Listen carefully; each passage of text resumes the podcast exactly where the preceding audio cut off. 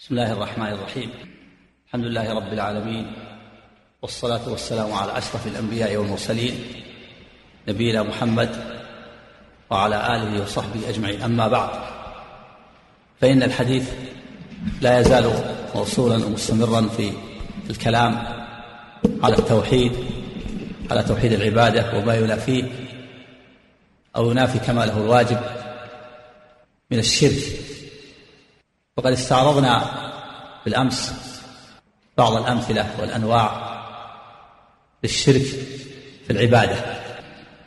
ومن الأمثلة للشرك الشرك في العبادة من الأمثلة والأنواع الشرك في الطاعة. الشرك في الطاعة.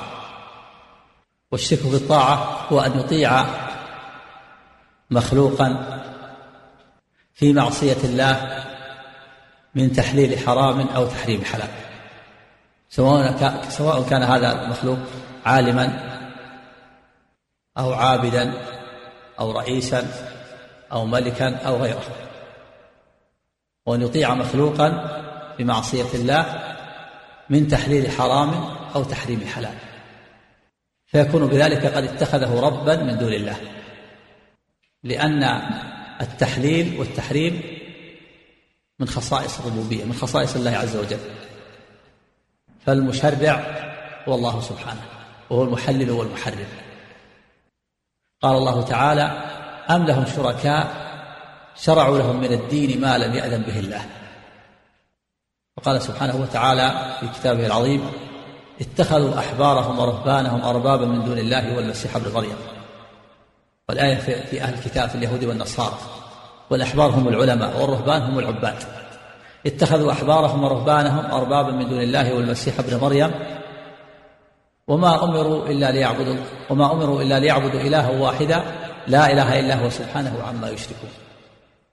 في الحديث الذي رواه الإمام أحمد رحمه الله في مسنده أن النبي صلى الله عليه وسلم لما تلا هذه الآية اتخذوا أحبارهم ورهبانهم أربابا من دون الله والمسيح ابن مريم. فقال عدي بن حاتم رضي الله عنه وكان نصرانيا فأسلم. قال لسنا نعبدهم يا رسول الله. لسنا نعبد أحبارنا ورهباننا. لسنا نعبد العلماء والعباد.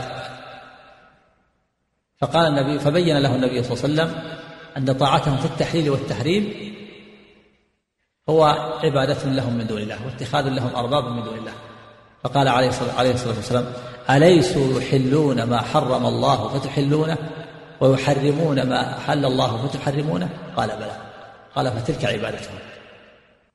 أو أليسوا يحرمون ما أحل الله فتحرمونه ويحلون ما حرم الله فتحلونه؟ قال بلى. قال فتلك عبادتهم. فبين لهم صلى الله عليه وسلم أن عبادتهم واتخاذهم أربابا من دون الله إنما هي طاعتهم في التحليل والتحريم. يعني يعتقد أن له حق التحليل والتحريم. هذا العالم أو هذا العابد أو هذا الرئيس يأمره بالمعصية فيعتقد حلها. يعتقد أن له يطيع في تحليلها. يعني يحل له الخمر فيعتقد حلة مثلا. يحل له الزنا فيعتقد حلة. يحل له نكاح المحارم فيعتقد حلة. وهكذا. أما طاعتهم في المعصية من غير اعتقاد حلها فلا يكون عبادة لهم من دون الله بل يكون معصية. إذا أطاع العالم أو أطاع العابد أو الرئيس في المعصية من دون اعتقاد حلها لكن أطاعه اتباعا للهوى وطاعة للشيطان. وهو يعتقد أنها ليست حلال أن هذه المعصية ليست حلال حرام. لكن أطاع هذا الرئيس أو هذا العالم أو هذا العابد طاعة للهوى طاعة لهواه وشهوته أو خوفا المقصود أن الشرك في الطاعة هو أن يطيع المخلوق في المعصية من تحليل حرام أو تحليل حلال يطيع في تحليل الحرام أو تحريم الحلال. أما إذا أطاعه في المعصية من دون اعتقاد حلها فإنه لا يكون شركا ولا عبادة من دون الله وإنما يكون معصية. معصية من جنس المعاصي. إذا أطاع إذا أمر بشرب الخمر فشربه يكون مرتكبا لكبيرة. وإذا أطاع في تحليل الخمر يكون قد اتخذه إلها وربا من دون الله. فرق بين الأمرين. فرق بين الطاعة في التحليل والتحريم والطاعة في المعصية من دون اعتقاد حلها. فالأول الطاعة في التحليل والتحريم يكون شركا وعبادة الله من دون الله. والثاني طاعته في المعصية من دون اعتقاد حلها يكون معصية. ومن الأنواع والأمثلة للشرك في العبادة الشرك في الطواف وهو أن يطوف بغير بيت الله تقربا لغير الله.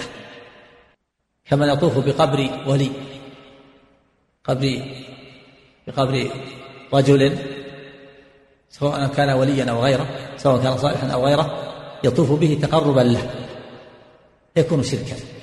كما يطوف بحجرة النبي صلى الله عليه وسلم تقربا للنبي صلى الله عليه وسلم. أو يطوف بقبر البدوي تقربا للبدوي. أو يطوف بقبر الحسين تقربا للحسين. أو يطوف بقبر زينب تقربا لزينب. أو يطوف بقبر نفيسة تقربا لنفيسة. أو يطوف بقبر ابن علوان تقربا لابن علوان. أو يطوف بقبر عبد القادر تقربا لعبد القادر. فهذا شرك أكبر. هذا شرك في الطواف. لأنه صرف الطواف وهو عبادة لغير الله عز وجل. قال الله تعالى ثم ليقضوا تفتهم وليوفوا نذورهم وليطوفوا بالبيت العتيق. ولا يطاف بغير بيت الله. ولا يطاف إلى لغير الله ولا يطاف بغير بيت الله. أما إذا طاف بغير الكعبة تقربا لله لا لغيره. كمن طاف بحجرة النبي صلى الله عليه وسلم تقربا إلى الله. يظن أنها أنه لا بأس أن يطاف بقبر النبي صلى الله عليه وسلم. أو طاف بقبر البدوي تقربا إلى الله لا للبدوي. أو طاف بقبر الحسين تقربا لله لا للحسين. هذا يكون مبتدع. ما يكون مشركا لأنه ما طاف لغير الله طاف لله. لكن المكان الذي طاف به مبتدع. المكان الذي طاف به لا يطاف به. ليس هناك شيء في الدنيا يطاف به إلا الكعبة. فإذا طاف لله في أي مكان غير الكعبة يكون مبتدع. وإن طاف لغير الله يكون مشركا. حتى ولو طاف بالكعبة وهو لا يقصد التقرب إلى الله وإنما يتقرب لغيره لم يكن عبادة لله. والشرك في الطواف والشرك في الدعاء والشرك في الذبح والشرك في النذر هذه كلها منتشرة. منتشرة قديما وحديثا عند القبوريين يفعلونها كثيرا. تجد القبوريين عند عند قبر قبر قبور من يسمونهم أولياء أو يعظمونهم تجدهم يشركون بالله ويصرفون لهم الدعاء يدعونهم من دون الله يرفعون أصواتهم بالضجيج سؤال المدد سؤال قضاء الحاجات تفيد الكربات يذبحون لهم الذبائح والقرابين. هذا يذبح خروف هذا يذبح عجل هذا يذبح كذا هذا يذبح دجاجة. ينذرون لهم من دون الله ينذرون لهم ينذرون لهم لأرواحهم يطوفون بقبورهم تقربا إليهم. هذه أنواع من الشرك منتشرة. عند القبوريين دعاء والذبح والنذر والطواف. ومن الأمثلة والأنواع الشرك في العبادة الشرك في السجود. الشرك في السجود. كان يسجد لغير الله. وذلك كسجود المريد المريدين من الصوفية للشيخ. الصوفية الصوفي تجده يسجد لمريده. تجد المريد الصوفي ويسمى المريد يسمى المريد ويسمى السالك إلى الله. يسمون أنفسهم يسمون أنفسهم المريدين والسالكين. فيسجد المريد للشيخ. تقربا إليه. فإذا قيل له في ذلك قال إن هذا وضع الشيء الرأس قدام الشيخ احتراما وتواضعا. هذا وضع الرأس قدام الشيخ. احتراما وتواضعا. ويسجد للشيخ يسجد للشيخ المريد الصوفي يسجد لشيخه شيخ الصوفية. ويضع رأس رأسه أمامه ويقول إن هذا إنما هو وضع الرأس قدام الشيخ احتراما وتواضعا. تواضعا. احتراما وتواضعا. فيقال العبرة بالمعاني والحقائق. ولو سميتموه ما سميتموه فحقيقة السجود فحقيقة السجود وضع الرأس قدام من يسجد له. ومن سجد للنجم أو للشجر أو للحجر أو للقبر فإنما يضع الرأس قدامه تقربا إليه. فحقيقة السجود وضع الرأس لمن يسجد أمام من يسجد له. فإذا سجود المريد الصوفي للشيخ هذا شرك من الساجد والمسجود له. أما الساجد فإنه أشرك حيث صرف السجود وهو عبادة لغير الله. وأما المسجود له حيث رضي بأن يسجد له رضي بالعبادة فيكون طاغوتا يكون من الطواغيت. من رضي أن يعبد من دون الله فهو طاغوت. يكون الشيخ الذي رضي أن يسجد له طاغوت. والساجد أشرك. فإذا سجود المريدين من الصوفية لشيوخهم هذا من الشرك. ومن أنواع الشرك وأمثلة الشرك في الركوع. الشرك في الركوع. كان يركع لغير الله تقربا إليه. كركوع المتعممين أصحاب العمائم من الصوفية بعضهم لبعض عند الملاقاة. إذا لقيه ركع له. وركوع متعممين أصحاب العمائم من الصوفية بعضهم لبعض عند الملاقاة هذا من الركوع لغير الله. وهذا الركوع يسمى سجودا في اللغة. وفسر السجود بالركوع في قول الله تعالى عن بني إسرائيل ادخلوا الباب سجدا. وإذ قلنا ادخلوا هذه القرى فكلوا منها حيث شئتم رغدا وادخلوا الباب سجدا وقولوا حطة نغفر لكم خطاياكم وسنزيد المحسنين. والمعنى ادخلوا الباب سجدا يعني منحنين وإلا فلا يمكن الدخول على الجبهة. بنو إسرائيل أمرهم الله أن يدخلوا القرية منحنين وأن يقولوا يا حط يا الله حط عنا ذنوبنا واغفر لها لنا. ادخلوا الباب سجدا. المعنى ادخلوا الباب منحنين ركوعا. وإلا فلا يمكن الدخول على الجبهه هل يمكن يسجد ويدخل؟ يمكن يدخل على جبهته؟ ما يمكن. فمعنى ادخلوا الباب سجدا أي منحنين. فإذا فسر السجود بالركوع في هذه الآية. لكن بني إسرائيل قوم عتاة غيروا بالقول والفعل.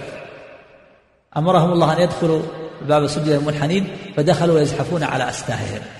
هذا تغيير بالفعل. وبالقول قالوا حنطة. بدل أن يقولوا حنطة قالوا حنطة. تغيروا قولا وفعلا. والميل يسمى سجود في اللغة. ومنه قول العرب سجدت الأشجار إذا أمالتها الريح. سجدت العرب إذا أمالت سجدت الأشجار إذا إذا أمالتها الريح. قال الله تعالى آمرا عباده أن أن يخصوه بالركوع والسجود والعبادة. يا أيها الذين آمنوا اركعوا واسجدوا واعبدوا ربكم وافعلوا الخير لعلكم تفلحون. فالركوع والسجود عبادة لا يكون إلا لله عز وجل. ومن الأمثلة والأنواع الشرك في العبادة الشرك في حلق الرأس. الشرك في حلق الرأس. وذلك كحلق الرأس للشيخ عند المريدين من الصوفية تعبدا له وتقربا إليه. فإن المريد الصوفي من الصوفية يحلق رأسه للشيخ يتقرب إليه. وحلق الرأس عبادة لا تكون إلا في النسك خاصة لله عز وجل في الحج أو في العمرة. حلق الرأس نسك في الحج أو في العمرة لا يكون إلا لله. فهو من متعبدات الحج من مناسك الحج. فإذا حلق رأسه لغير الله تقرب إليه كما يفعل الصوفية يحلق المريد السالك الصوفية يحلق رأسه تعبدا للشيخ وتقرب إليه. هذا شرك منهم. قال الله تعالى ولا تحلقوا رؤوسكم حتى يبلغ الهدي محلة. ثبت أن النبي صلى الله عليه وسلم حلق رأسه في حجة الوداع وأمر أصحابه أن يحلقوا رؤوسهم. حلق الرأس نسك من مناسك الحج. من متعبدات الحج لا يكون إلا في النسك خاصة لله عز وجل. ومن أنواع الشرك وأمثلته في العبادة الشرك في التوكل. الشرك في التوكل. وهو أن يتوكل على غير الله في الأمور التي لا يقدر عليها إلا الله. أن يتوكل على غير الله في الأمور التي لا يقدر عليها إلا الله. كالذين يتوكلون على الأموات والطواغيت في رجاء مطالبهم من نصر أو حفظ أو رزق أو شفاعة. فهذا شرك أكبر. لأنه اعتماد على غير الله فيما لا يقدر عليه إلا الله. الذين يتوكلون على الأموات أصحاب القبور ويعتمدون عليهم في رجاء مطالبهم من نصر أو رزق أو حفظ أو شفاعة. قد عبدوهم من دون الله أشركوا في التوكل. قال الله تعالى وعلى الله فتوكلوا إن كنتم مؤمنين. أما التوكل على الحي الحاضر في الأسباب الظاهرة فهذا لا يكون شركا أكبر وإنما يكون شركا أصغر كالذين يتوكلون على الأموال كالذين يتوكل كمن يتوكل على أمير أو سلطان فيما أقدره الله عليه من رزق أو دفع أذى أو غير ذلك فهذا نوع من الشرك لما فيه من ميل القلب واعتماده على غير الله. هذا إذا كانت الأسباب ظاهرة. من يتوكل على من؟ أسبابه ظاهرة. كان معه أسباب ظاهرة. يستطيع يتوكل على أمير أو سلطان فيما أقدره الله عليه. أما إذا توكل على ميت أو غائب في رجاء ما يطلبه من نصر أو رزق أو حفظ فيما وراء الأسباب ليس معه أسباب فهذا يكون شرك أكبر. لأن توكل على غير الله. قال الله تعالى وعلى الله فتوكلوا إن كنتم مؤمنين. التوكل فيما وراء الأسباب يكون شرك أكبر. والتوكل فيما أسبابه ظاهرة يكون شركا أصغر. توكل على من معه أسباب ظاهرة لما فيه من ميل القلب واعتماده على على هذا المخلوق. والواجب على المسلم أن يعلق أن يفوض أمره إلى الله. وهو أقوى من الرجاء. خلاف الرجاء. الرجاء يكون عاديا ويكون حسيا. لكن التوكل أقوى لما فيه من اعتماد القلب وميله إلى المخلوق. ومن أمثلة الشرك في العبادة وأنواعه الشرك بالسحر الشرك بالسحر.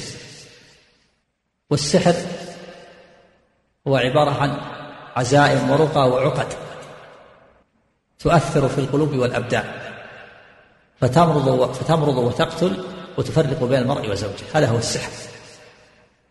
الساحر يأتي بعزائم ورقى وعقد تؤثر في ويسحر بها بعض الناس فتؤثر تؤثر فيه في قلبه بالمرض أو بالقتل أحيانا أو بالتفريق بين المتحابين كالزوجين أو الأخوين أو غيرهم. عزائم ورقى وعقد وأدوية عزائم ورقى وعقد تؤثر في القلوب والأبدان وتمرض وتقتل وتفرق بين المرء وزوجه. وقد يكون السحر عن طريق الأدوية والتدخينات. وسقي أشياء تضر والساحر يتصل بالشياطين. يتصل بالشياطين ويتقرب إليهم ويأخذ عنهم. وهناك اتفاق بين الساحر وبين الشياطين. فيفعل هذه العزائم وهذه الرقى والعقد فيحصل التأثير في القلب بالمرض أو القتل أو التفريق بإذن الله الكوني القدري بإذن الله الكوني القدري ولا يمكن أن يضر أحد أحدا إلا بإذن الله. السحرة ما يضر أحد إلا بإذن الله. قال الله تعالى وما هم بضارين به من أحد إلا بإذن الله. والمراد بإذن الله هنا الإذن الكوني القدري لا الشرعي. وقد يكون السحر عن طريق الأدوية والتدخينات وسقي أشياء تضر ولا يتصل بالشياطين. لكنه يفعل أدوية وتدخينات وسقي أشياء تضر. تضر في الأبدان ويبتز أموال الناس. ويسمى سحرا لأنه يشارك السحر في التأثير في الخفاء. لأن السحر في اللغة عبارة عما خفي ولطف سببه. عبارة عما خفي ولطف سببه. الشيء الخفي لطيف سبب يسمى سحرا. ومنه سمي السحر سحرا لأنه يقع خفيا آخر الليل. ومنه سمي القول يسمى القول البليغ سحرا كما في الحديث النبي صلى الله عليه وسلم قال إن من البيان لسحرا لأن الرجل البليغ يعني بيان يؤثر في السامعين في الخفاء. ومنه سميت النميمة سحرا لتأثيرها في الخفاء. كما في الحديث ألا أنبئكم بالعض هي النميمة القالة بين الناس. قال بعض السلف يفسد النمام في ساعة ما لا يفسد الساحر في سنة. فإذا الساحر هو الذي يعمل عزائم ورقى وعقد ويتصل بالشياطين فتؤثر هذه العزائم والرقى والعقد في القلوب والأبدان بالمرض أو بالقتل أو بالتفريق بين المتحابين. وقد لا وقد لا يتصل بالشياطين فيكون سحر عن طريق الأدوية والتدخينات وسقي أشياء تضر. واختلف العلماء في حكم الساحر. هل يكفر أو لا يكفر؟ وذهب الجمهور منهم الأئمة الثلاثة مالك وأحمد وأبو حنيفة إلى أن الساحر يكفر. واستدلوا بقول الله تعالى في قصة الملكين وما يعلمان من أحد حتى يقولا إنما نحن فتنة فلا تكفر. أي فلا تكفر بتعلم السحر. قالوا فمن فتعلم السحر وتعليمه كفر. قال أصحاب أحمد إلا أن يكون سحره بأدوية وتدخينات وسقي أشياء تضر فلا يكفر. وذهب الإمام الشافعي رحمه الله وجماعة إلى التفصيل. وقالوا إذا تعلم السحر فإننا نقول له صف لنا سحرك. فإن وصف ما يوجب الكفر كفر. إن تضمن سحره كفرا كفر. وإن وصف ما لا يوجب الكفر فإن اعتقد إباحته كفر. يقول هل تعتقد أنه حلال أو حرام؟ فإن اعتقد إباحته كفر. وإن اعتقد تحريمه فلا يكفر وإنما يكون مرتكبا لكبيرة. ولأمر عظيم محرم. إذا الجمهور ما يفصلون. يقولون إن السحر كفر مطلقا. وأما الشافعي فإنه يفصل فيقول لا بد من تفصيل ولا بد من أن نسأل الساحر. فإن تضمن سحره كفرا كفر وإن لم يتضمن كفرا فنسأله نقول هل تعتقد أنه حرام أو حلال؟ فإن اعتقد حلة كفر. وإن اعتقد تحريمه لم يكفر ولكنه ارتكب محرما وكبيرا. يستحق التعزير الخلاف نعم بين الجمهور وبين الشافعي. كيف؟ كيف يكون؟ مع أن الشافعي وجماعة يرون أنه إذا تضمن السحر كفرا فإنه يكفر. وكذلك الجمهور. فهل هناك خلاف حقيقي وما وجه الخلاف بين الجمهور والشافعي وجماعة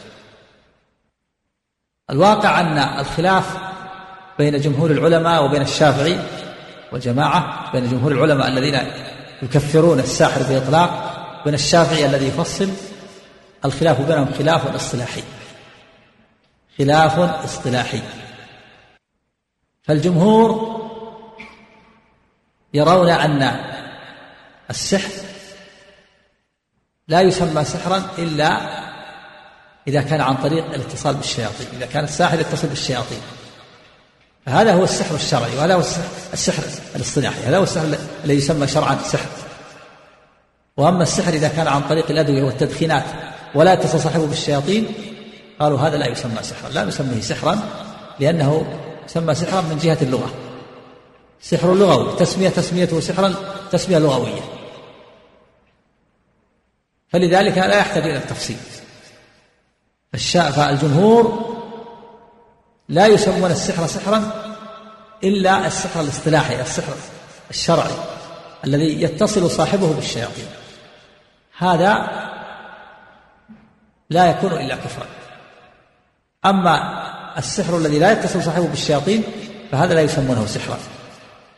لأن تسميته سحرا تسمية لغوية فلا يحتاج إلى التفصيل. أما الشافعي وجماعة فإنهم أدخلوا سحر الأدوية والتدخينات وسقي الأشياء أدخلوها في مسمى السحر.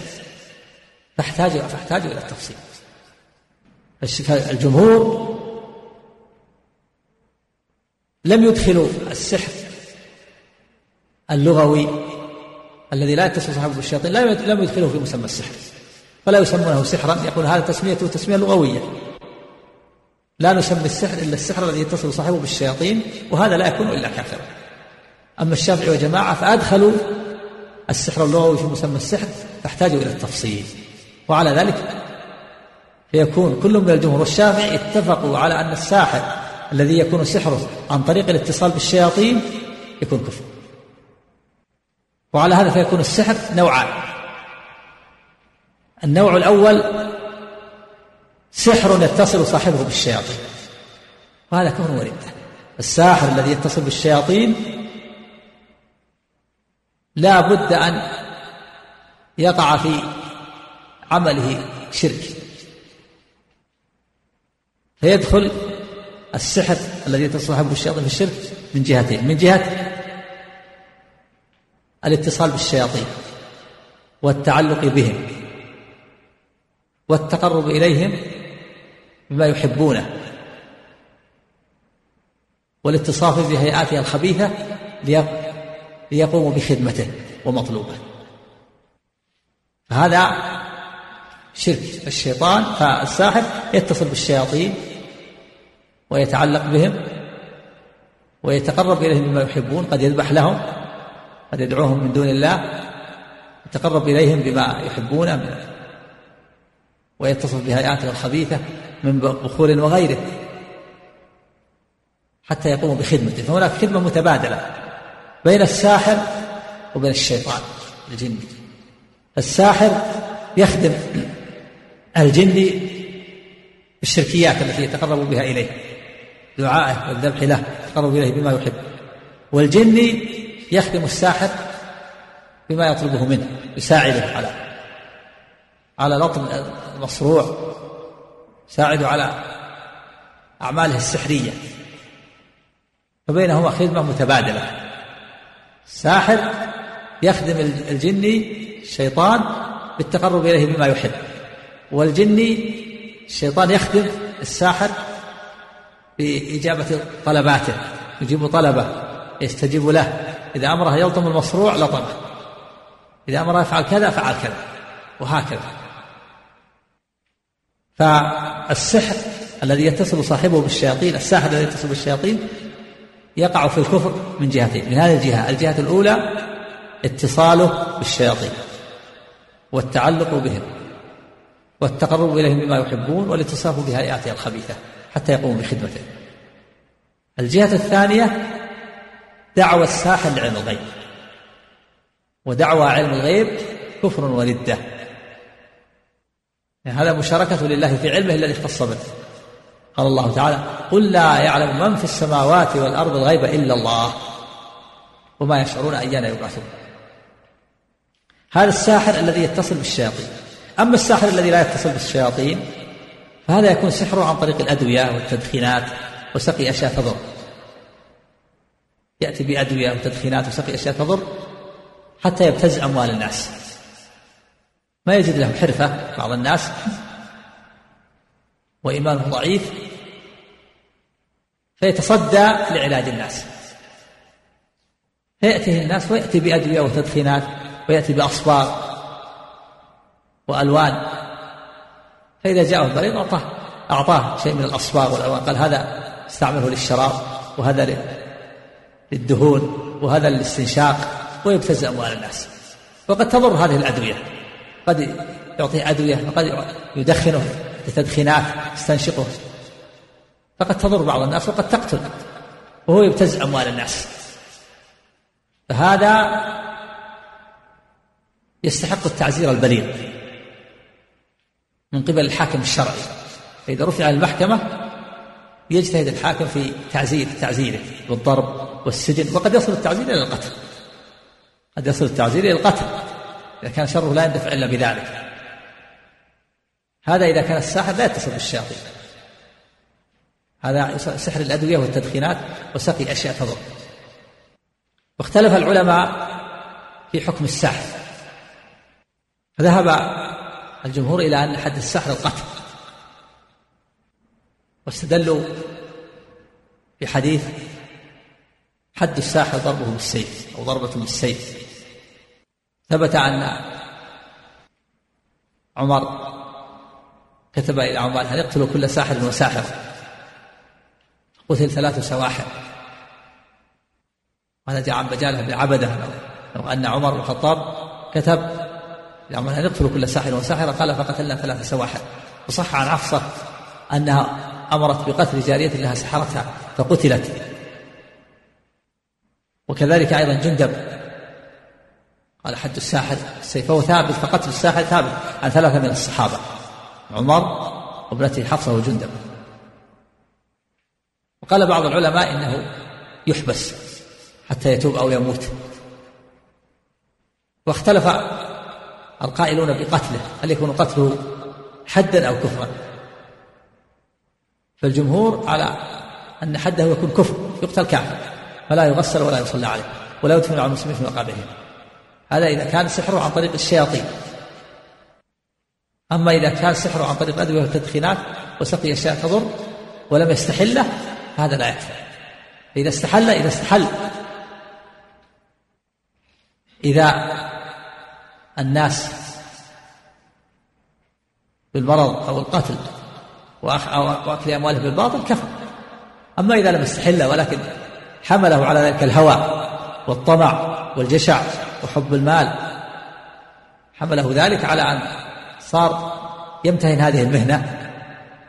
يفعل أدوية وتدخينات وسقي أشياء تضر ويبتز أموال الناس. فهذا لا يكون كافرا إذا لم يستحل. أما إذا استحل استحل ذلك كفر. أو كان سعوه عن طريق الاتصال بالشياطين فإن هذا لا يكون إلا بالشرك. لا يكون إلا بالشرك وعبادة الشيطان والكواكب.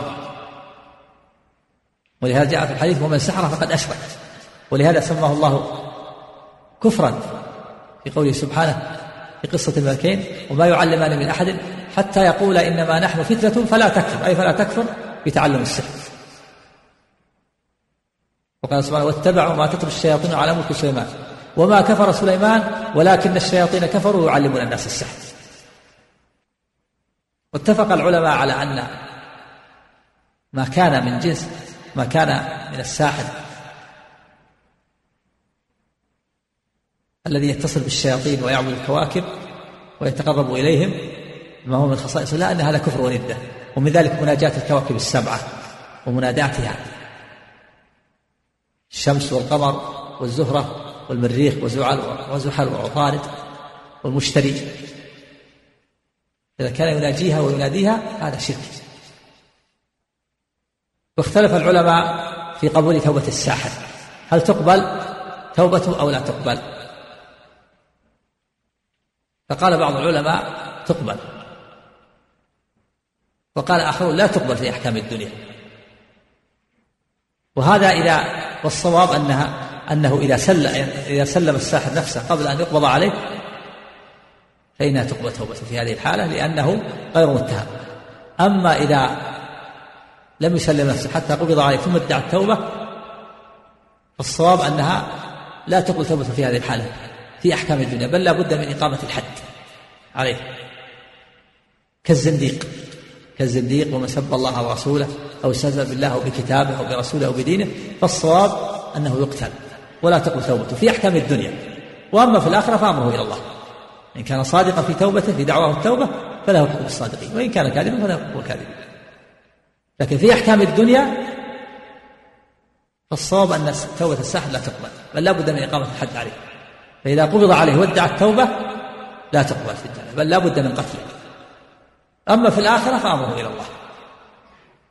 وكذلك الزنديق منافق.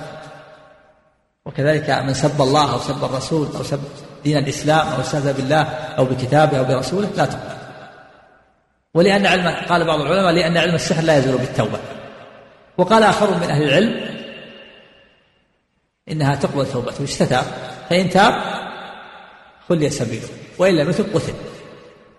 لكن معروف المشهور والأرجح هو أن الزنديق ومن سب الله أو سب الرسول أو سب الدين أو الساحر فإنها لا تقبل توبته في أحكام الدنيا زجرا للناس حتى لا يتجرأوا على مثل هذا الكفر العظيم. واختلف العلماء هل السحر له حقيقة أو كله خيال؟ فذهب بعض العلماء إلى أنه تخييف وينسب هذا إلى المعتزلة إلى قوم من المعتزلة. ونسب هذا إلى بعض الأحناف. والصواب أن السحر نوعان. نوع حق حقيقي له حقيقة. والنوع الثاني تخييل والدليل على أن منه ما هو خيال تخيل قول الله تعالى يخيل إليه من سحرهم أنها تسعى. يخيل إليه من سحرهم أنها تسعى. والضمير يعود إلى موسى عليه الصلاة والسلام في قصة السحرة. لما وضعوا الحبال والعصي ووضعوا عليها الزئبق وصارت تتلوى في الشمس. فموسى عليه الصلاة والسلام أوجس في نفسه خيفة موسى وخيل إليه من سحرهم أنها تسعى. فقال الله لا لا تخف. إنك أنت الأعلى وألقي ما في يمينك تلقف ما صنعوا. إنما صنعوا كيد ساحر ولا يفلح الساحر حيث أتى. فألقى موسى العصا فابتلعت. جميع ما في الوادي من الحيات والعصي والحبال التي وضعوها. عصي وحبال وضعوها وفيها الزئبق وجعلت تتلوى. وخيل. خيلوا للناس أنها حيات وعقارب. ولهذا قال الله تعالى يخيل إليه من سحرهم أنها تسعى. والنوع الثاني هذا النوع من الخيال يسحر الساحر يسحر أعين الناس فقط. يكون في السحر في عينيه. لكن هذا الشيء الذي يراه ليس على حقيقته. وإنما هو خيال. القسم الثاني من السحر أو النوع الثاني له حقيقة. له حقيقة. تؤثر في القلوب وفي الأبدان. بالمرض وبالقتل وبتغيير العقل. ولهذا قال الله تعالى ومن شر النفاثات في العقد قل أعوذ برب الفلق من شر ما خلق ومن شر غاسق إذا وقب ومن شر النفاثات في العقد ومن شر حاسد إذا حسد. النفاثات السواحل اللاتي يعقدن العقد وينفثن في عقدهن. فلولا أن للسحر حقيقة لما أمر الله بالاستعاذة منه. الخيال ما يؤثر. لو كان خيال في العيون فقط ولا يؤثر ما أمر الله بالاستعاذة منه. فلما أمر الله بالاستعاذة به دل على أن له استعاذة منه دل على أن له حقيقة. فلولا أن للسحر حقيقة لما أمر الله بالاستعاذة منه. ومن شر النفاثات في العقد. وهذا هو الصواب الذي عليه الجماهير. أن السحر قسمان نوعان نوع له حقيقة يؤثر في القلوب والأبدان ويمرض ويقتل ويفرق بين المرء وزوجه ونوع خيال. وقد ثبت في الصحيحين أن النبي صلى الله عليه وسلم سحر فكان يخيل إليه أنه يفعل الشيء ولا يفعله. قد ظن بعض الناس وقد أنكر بعض الناس أن النبي صلى الله عليه وسلم سحر. وظن أن هذا يقدح في عصمته عليه الصلاة والسلام. وهذا غلط لأن هذا ثابت في الصحيحين عن عائشة رضي الله عنها. وأن النبي صلى الله عليه وسلم سحر في مشط ومشاطة في وعاء قلع النخل. وجعل وجعل في في بئر ذي أروان في صخرة رعوفة تحت بئر ذي أروان. كما ثبت في الصحيح في مشط أنه سحر في مشط ومشاطة في طلعة ذكر تحت رعوفة في بئر ذي أروان.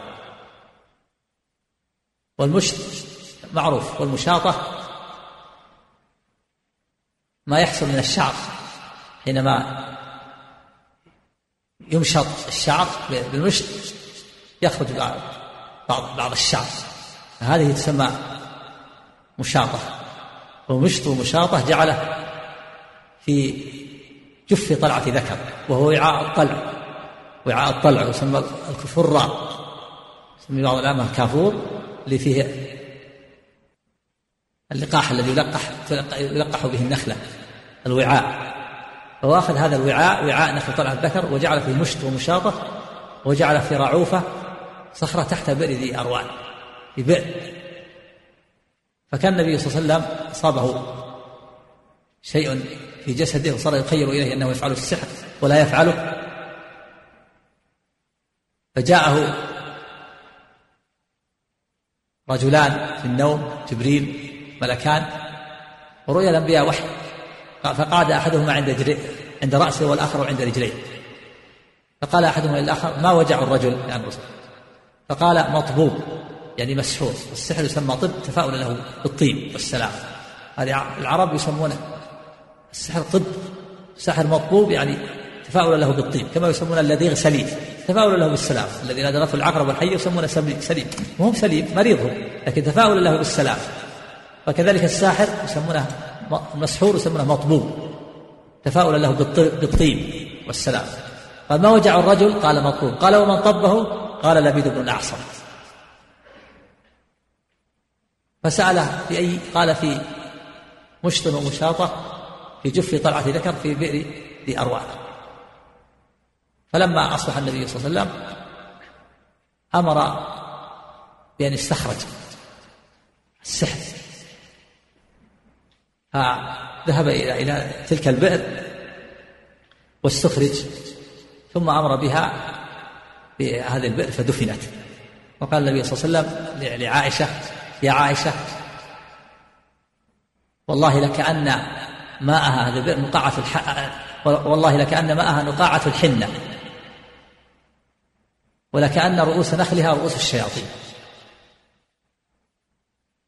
فقال فقالت له عائشة أفلا تنشرت فقال النبي صلى الله عليه وسلم أما أنا فقد شفاني الله وخشيت أن أثير على على الناس شرا. وفي لفظ ما معناه ما ولا أثير على شرا على مسلم أو كافر أو كما قال عليه الصلاة والسلام. وجاءت الحديث في بعضها أن النبي صلى الله عليه وسلم استخرج السحر وفي بعضها أنه لم يستخرجه.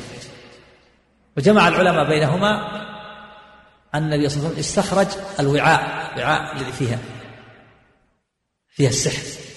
وعاء طلع النخل. ثم أزيل أمر به ولكنه لم يستخرج ما في داخل ما في داخله من المشط والمشابه. فما جاء من الروايات فيه أنه, أنه استخرج السحر يعني استخرج الوعاء الذي فيه السحر. وما جاء من الروايات أنه لم يستخرجه يعني لم يستخرج ما في داخل الوعاء. ثم أمر بها بالبئر فدفنت. ولم يعاقب النبي صلى الله عليه وسلم لبيد بن الأعصم اليهودي. وهذا السحر الذي أصاب النبي صلى الله عليه وسلم لا يقدح في عصمته لم يؤثر في عصمته ولا في عقله عليه الصلاة والسلام ولا في تبليغه الرسالة وإنما شيء يتعلق بأمور الدنيا يتعلق بجسده فيما يتعلق بأمور الدنيا يخير إليه أنه يفعل الشيء ولا يفعله. لكنه لا يتعلق بعقله ولا بتبليغه الرسالة ولا يقدح في عصمته عليه الصلاة والسلام. وإنما هذا الذي أصابه من السحر نوع من المرض كسائر الأمراض. هو نوع من المرض أصابه سحر يتعلق ب بجسده في, في, أمور الدنيا. يخيل إليه أنه يفعل السحر ولا يفعله فهو نوع من المرض كسائر الأمراض. لا يقدح في عصمته عليه الصلاة والسلام كما يظن ذلك بعض الناس. بعض الناس ظن أن هذا يقدح بعصمته عليه الصلاة والسلام. والصواب أن أن ذلك لا يقدح في عصمته عليه الصلاة والسلام. ولي وليس له تأثير على تبليغه الرسالة ولا عقله ولا على عقله ولا فكره عليه الصلاة والسلام. وإنما هذا شيء يتعلق بأمور الدنيا وهو مرض من جنس الأمراض. وإذا أصيب أحد بالسحر فإنه يشرع له أن يتنشر وأن يحل السحر. لكن عن طريق الرقية الشرعية قراءة القرآن و الأدوية المباحة والأدعية. أما أن يتنشر ويحل السحر عن طريق السحرة فهذا لا يجوز. هذا النشرة مع النشرة معناها حل السحر على المسحور حل السحر على المسحور وقد عقد لها الشيخ الإمام محمد بن عبد الوهاب رحمه الله في كتاب التوحيد بابا باب ما جاء في النشرة. فالنشرة حل السحر على المسحور وقد جاءت روايات أو آثار فيها المنع من النشرة وآثار أخرى فيها الإباحة. جمع العلماء بينهما بأن المنع الروايات والآثار التي فيها محمول على حل السحر بسحر مثله كما في الحديث لا يحل السحر إلا ساحر. لا يحل السحر إلا ساحر. المراد لا يحل السحر إلا ساحر المراد النشرة المحرمة. فلا يجوز للإنسان من ابتلي بالسحر أن يحل السحر عن طريق السحرة. لا يجوز الإتيان إلى السحرة ولا سؤالهم ولا تصديقهم لما ثبت في الحديث الصحيح أن النبي صلى الله عليه وسلم قال لما ثبت في صحيح مسلم أن النبي صلى الله عليه وسلم قال من أتى عرافا فسأله عن شيء لم تقبل له صلاة أربعين يوما. وقال عليه الصلاة والسلام في الحديث الآخر من أتى كاهنا فصدقه بما يقول فقد كفر بما أنزل على محمد صلى الله عليه وسلم. فإذا سأله عليه هذه العقوبة سأله ولم يصدقه لم تقبل له صلاة أربعين يوما. وإذا سأله وصدقه فقد كفر فقد كفر بما أنزل على محمد صلى الله عليه وسلم. ولما سئل النبي صلى الله عليه وسلم عن الكهنة قال ليسوا بشيء يعني أخبارهم لا يوثق بها الحديث ليس منا من تكهن أو تكهن له أو تطير أو تطير له أو سحر أو سحر له. فلا يجوز الإتيان السحرة ولا سؤالهم ولا تصديقهم ولا المعالجة عندهم. لأن الساحر لا يحله إلا بسحر مثله لا يحل السحر إلا ساحر. الساحر لا يحل السحر إلا بسحر مثله.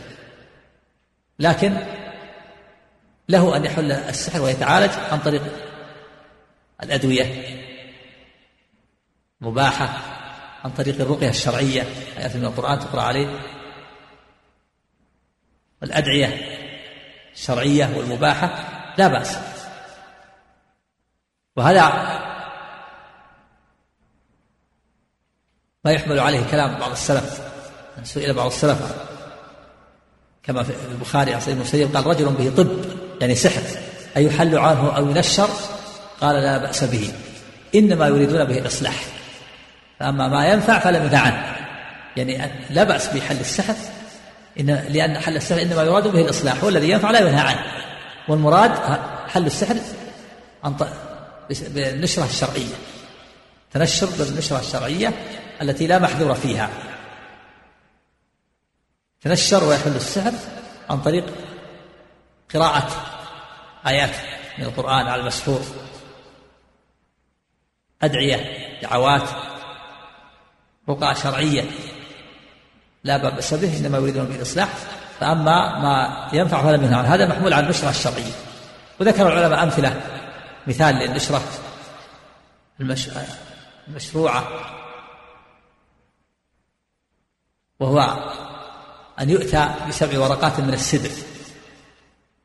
فتدق وتضرب في ماء ويقرأ فيها الآيات التي فيها بيان السحر. يقرأ آيات الآيات الأربع في سورة طه فوقع الحق وبطل ما كانوا يعملون. فغلبوا هنالك وانقلبوا صاغرين وألقي السحرة ساجدين. قالوا آمنا برب العالمين رب موسى وهارون. وآية في سورة طه إنما صنعوا كيد ساحر ولا يفلح الساحر حيث أتى. وآيتين في سورة يونس قال موسى ما جئتم به السحر إن الله سيبطله إن الله لا يصلح عمل المفسدين ويحق الله الحق بكلماته ولو كره المجرمون. هذه تقرأ في إناء في ماء ويصب على رأس المسحور فيشرب بإذن الله ويكرر هذا. ولا بد من الثقة بالله عز وجل والاعتماد عليه حضور القلب عند قراءة الآيات وتكون النفس المريضة منفعلة وقابلة. إذا وجدت الأسباب ووفق ذلك ما قدره الله فإنه الشر بإذن وكذلك الرجل الذي يحبس عن امرأته فلا يصل إلى جماعها. هذا يؤتى بسبع ورقات من السدر وتضرب في ماء ويقرأ فيها آية الكرسي والقواقل. قل يا أيها الكافرون قل هو الله أحد قل أعوذ برب الفلق قل أعوذ برب الناس. وهذا مجرد. مجرب قد جربه العلماء. جربه كثير من مشايخنا وجربته أنا أيضا. بنفسي أتى إلي مرات بعض الناس وقال إنه محبوس عن امرأته فلا يصل إلى الجماع محبوس عن امرأته يعني ما يستطيع أن يجامعها. فقرأت له آية الكرسي والقواقل فاستفاد. قال إنه استفاد والحمد لله وشفاه الله وآخر كذلك وثالث. هذا مجرب المقصود هذا مجرب. قال العلماء إنه جيد إن هذا جيد في حبس الرجل عن امرأته. يعني يأتى بسبع ورقات من السدر وتضرب في ماء ويقرأ فيها آية الكرسي والقواقع. قل يا أيها الكافرون قل هو الله أحد قل أعوذ برب الفلق قل أعوذ برب الناس. وعلى كل حال ينبغي الإنسان أن يثق بالله وأن يعلق رجاءه بالله وأن يعتمد على الله ويفوض أمره إليه ويبتهل إلى الله ويتضرع. دائما أن يشفيه المريض يتضرع إلى الله ويبتهل إلى الله. وكذلك من حوله من أقاربه. لا ينسون الدعاء يتضرعون إليه ويدعون الله. له فالدعاء سلاح المؤمن. سلاح المؤمن. يدعو ربه ليلا ونهارا. يسأل ربه الشفاء. مع فعل الأسباب. قراءة الرقى الشرعية والأدوية. ولا بأس أن يتعالج بالأدوية العقاقير الطبية التي لا محذور فيها عند الأطباء. يستعمل الرقية الشرعية والدعاء والأدعية التي وردت. كان يكثر اللهم رب الناس اذهب الباس واشفي أنت الشافي؟ لا شفاء إلا شفاءك شفاء لا يغادر سقما أعيذك بكلمات الله التامات من شر ما خلق. بسم الله الذي لا يضر مع اسمه شيء في الأرض ولا في السماء وهو السميع العليم. بسم الله يرقيك من كل شيء يؤذيك ومن شر نفسنا وعن حسن الله يشفيك بسم الله يرقيك. ربنا الله الذي في السماء تقدس اسمك أمرك في السماء والأرض كما رحمتك في السماء اجعل رحمتك في الأرض. اغفر لنا حبنا وخطايانا أنت رب الطيبين. أنزل رحمة من رحمتك وشفاء من شفائك على هذا الوجع. استعمل هذه الأدعية الشرعية وهذه التعوذات الشرعية وهذه الرقى الشرعية والآيات القرآنية مع الابتهال إلى الله والتضرع إلى الله في أشفيه. ويستعمل أيضا الأدوية المباحة التي لا محذور فيها عند الأطباء. أما الذهاب إلى السحرة والمشعوذين فلا لا يجوز الإتيان إليهم. أبدا. لا يجوز السحرة السحرة والمشعوذين لأن هذا رفع من معنويتهم رفع من شأنهم. والنبي قال ليسوا بشيء. ولأن من أتى إليه متوعد بالوعيد بهذا الوعيد. ما تعرفه سأله شيء لم تقبل له صلاة أربعين يوما لأنه قد قد يأمره بالشرك. بعض الناس يذهب يتعالج عند السحرة فيقول له قد يكون جاهل. علاج مريضك بسيط ما عليك إلا أن تأتي بكبش. أو ديك أبيض أو كذا ثم تذبحه. ويشفى مريضك تذبحه على كذا ولا تسمي الله أو حتى لا سمى الله. بعضهم يصرح يقول هذا للشيوخ شيوخ الجن والعياذ بالله. هذا من البلاء والمصائب. أغلب على الإنسان دينه لا يجوز أن يأتي للسحر ولهذا جاء الوعيد الشديد كما سمعتم من أتى عرافا فسأله عن شيء لم تقبل له صلاة أربعين يوما. الحديث الآخر من أتى كاهنا فصدقه بما يقول فقد كفر بما أنزل على محمد صلى الله عليه وسلم. الأمر جد خطير. فالعلاج له طريقان. طريق شرعي وطريق محرم. طريق محرم مسدود ممنوع وهو الإتيان إلى السحرة. والطريق الثاني مباح مشروع وهو العلاج عن طريق الرقى الشرعية والآيات القرآنية والدعوات المباحة والأدوية. والعقاقير الطبية التي لا محذور فيها. وبهذا القدر نكتفي. هذا اليوم وفق الله الجميع لطاعته ورزق الله الجميع على العلم النافع والعمل الصالح. صلى الله على محمد وآله وصحبه وسلم. بسم الله الرحمن الرحيم. الحمد لله رب العالمين وصلى الله وسلم على نبينا محمد وعلى آله وصحبه أجمعين أما بعد. فهذا أخ يقول هل الدعاء يغير القدر؟ الدعاء الدعاء من القدر. الدعاء من القدر لا يخرج عن القدر. فالدعاء سبب. سبب من الأسباب. فالله قدر السبب والمسبب فلا يخرج الدعاء عن القدر.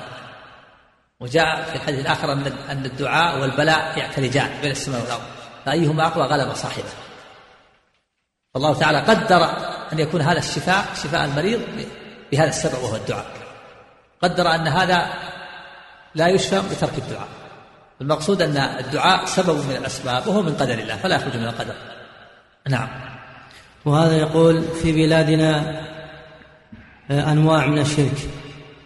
والعامة ليس عندهم من يعلمهم إلا مشايخ الصوفية. هل هؤلاء يعذرون بالجهل لعدم علمهم؟ عليهم أن يبحثوا عليهم أن يبحثوا عن العلم لا ينبغي لهم أن يستسلموا الصوفية بل عليهم أن يبحثوا عن العلماء ولا سيما في العصر الحاضر الوسائل وسائل الآن وسائل الإعلام تعددت الآن. يمكنهم أن يتصلوا بالعلماء طريق الهاتف طريق الإذاعة يسمعون الآن الإذاعة يسمعون الإذاعات السعودية الإذاعة السعودية فيها إذاعة القرآن فيها نور على الدرب وفيها فتاوى. يمكن أن يتصلوا بالعلماء هنا في المملكة يكتبون لهم يستسلموا لو كان الإنسان له حاجة دنيوية تعب حتى يحصل عليها. فلماذا لا يبحث عن دينه ويسأل عن دينه ويسأل عما أشكل عليه؟ عليهم أن يتصلوا بالعلماء ليسوا مكتوف الأيدي. الحمد لله لهم قدرة الاتصال. والطرق متعددة يستطيعون أن يتصلوا وهم في بلادهم. عن طريق الهاتف عن طريق المكاتبة عن طريق الإذاعة مكاتبة للبريد للإذاعة البريد. المقصود أن أنهم لا يعذرون بالاستسلام لا يستسلموا للجهل. بل عليهم أن يبحثوا ويسألوا ويستفصلوا حتى يتعلموا دينهم حتى يبحثوا عما أشكل عليهم. وحتى يعبدوا الله على بصيرة.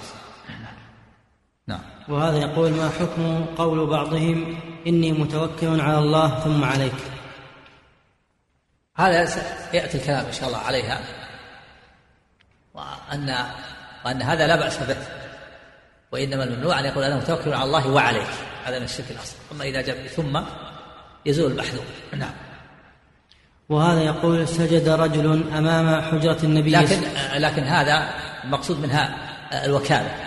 فتسميته توكل هذا غلط من قائله. الأصل أن يقول لأن هذا وكالة.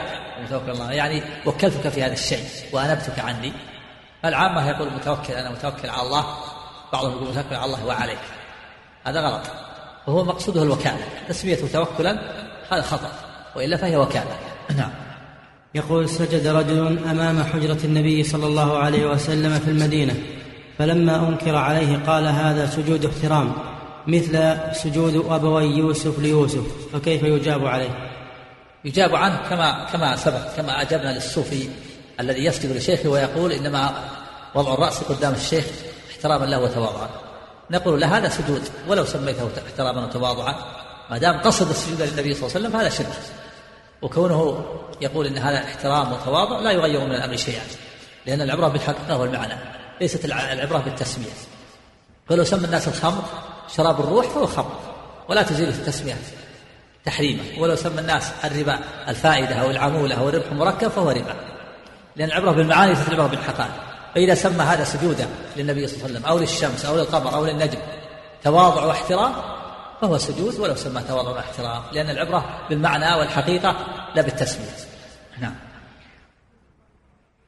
يوسف هذا أما سجود أبوي سجود أبوي يوسف وإخوته له فهذا سجود احترام وهو جائز في شريعته. هذا في شريعته. شريعة يوسف جائز شريعة يعقوب.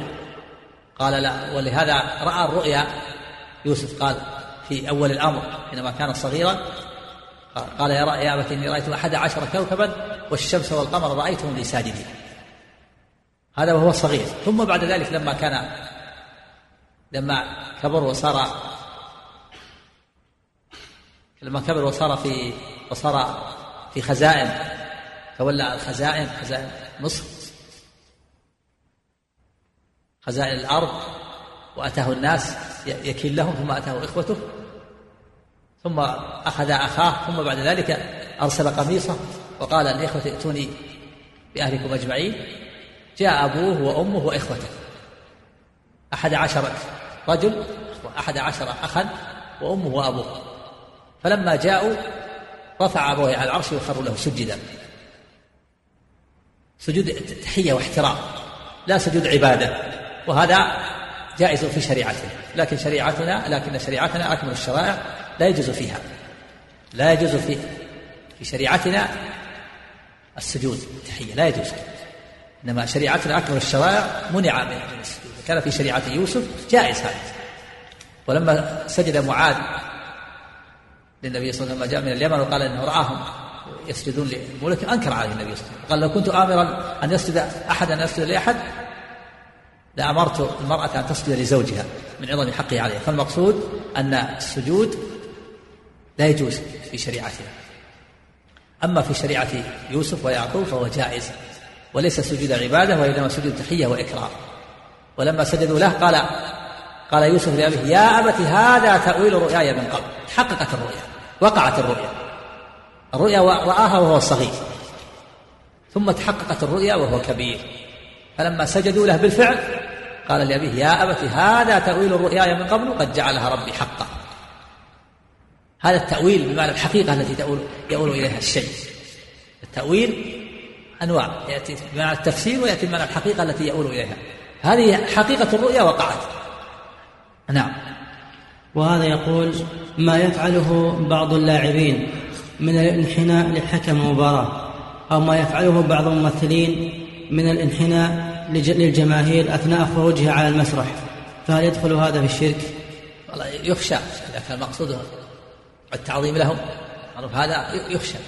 مثل ما يفعل الصوفية حينما يلقى بعضهم بعضا يركع بعضهم لبعض. بكل حال ينبغي ألا يفعل هذا. ولا ينبغي له يعني حديث أمام أحد. هذا يخشى يخشى أن يكون من الركوع لغير الله.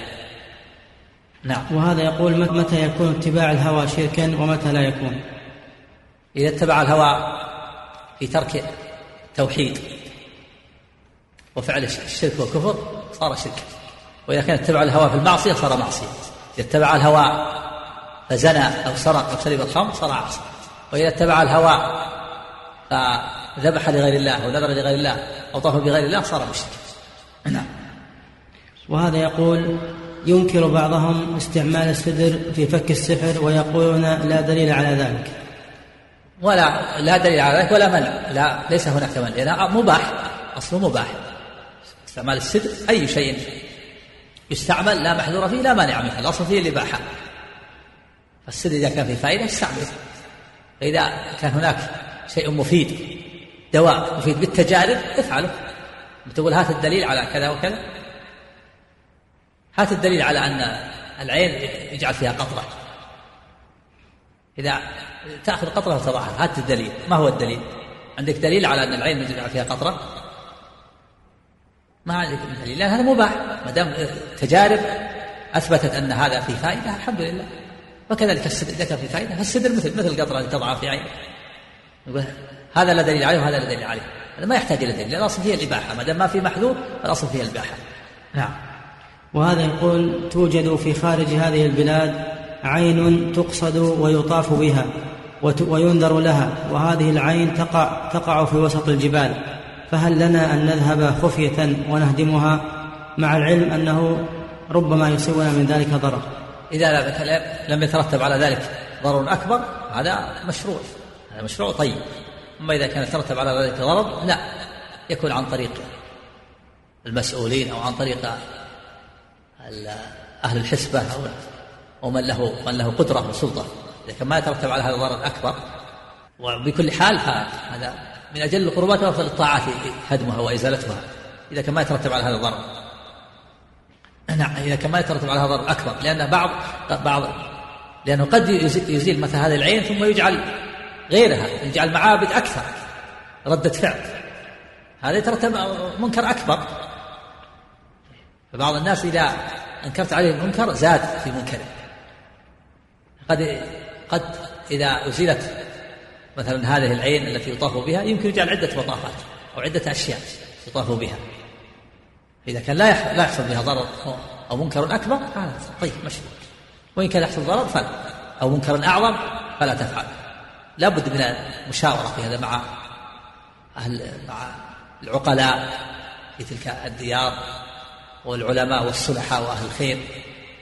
وإذا كان هناك أيضا بعض المسؤولين فيه خير لا بد من التشاور معه وكذلك وأخذ رأيه وبيان هذا عظم هذا الأمر.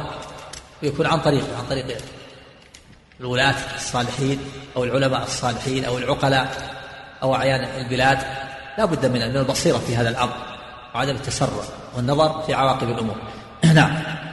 وذكرت فضيلة الشيخ مسألة حلق الشعر وقد أشكل ذلك على بعض الإخوة فهم يسألون عن حكم حلق الشعر إذا طلبت منهم المدارس ذلك أو في الدورات العسكرية. هذا ما في شيء.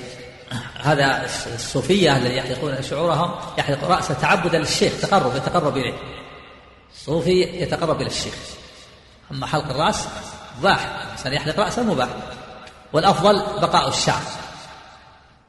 وكان النبي صلى الله عليه وسلم يترك شعره حتى يكون كالوفرة إلى كتفه أو إلى أذنه.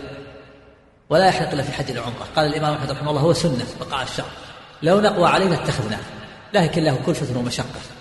من كان له شعر فليكرمه يعني يحتاج إلى غسل ودهن وكد. وحلقه مباح.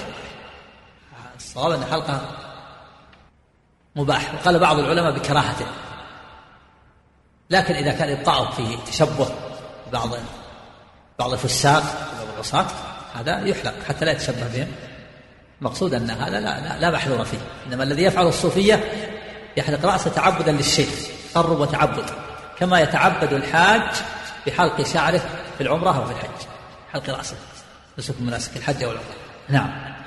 وهذا يقول هل يدخل في شرك الطاعة ما يفعله متعصب المذاهب المعروفة من رد النصوص المخالفة لمذهبهم مع وضوحها؟ نعم. قال بعض العلماء إن هذا يدخل يتعصب يتعصب حتى يترك النص من الآية والحديث لقول شيخه أو إمامه. قال بعض العلماء يخشى أن يكون هذا داخل. حتى قال بعض متعصب الأحناف كل آية أو حديث يخالف المذهب فهو منسوخ ومتأول. انظر إلى هذا التعصب. يقول كل كل نص يخالف المذهب فهو متأول أو منسوخ. يعني من دون تأمل من دون تفكير. أي آية تخالف المذهب إما منسوخها أو نتأولها. أو أي حديث يخالف المذهب إما منسوخها أو نتأولها. فجعل المذهب هو الأصل. والآيات والنصوص من الآيات والأحاديث تخضع للمذهب. والواجب العكس. الأصل الدليل هو الآيات النصوص من كتاب الله وسنة رسوله والمذهب يخضع للآيات. إذا وافق المذهب النص أخذ وإن لم يوافق ترك. وطرح. هذا هو الأصل. لكن هؤلاء المتعصبين لكن هؤلاء المتعصبين عكسوا الأمر. فقالوا الأصل المذهب.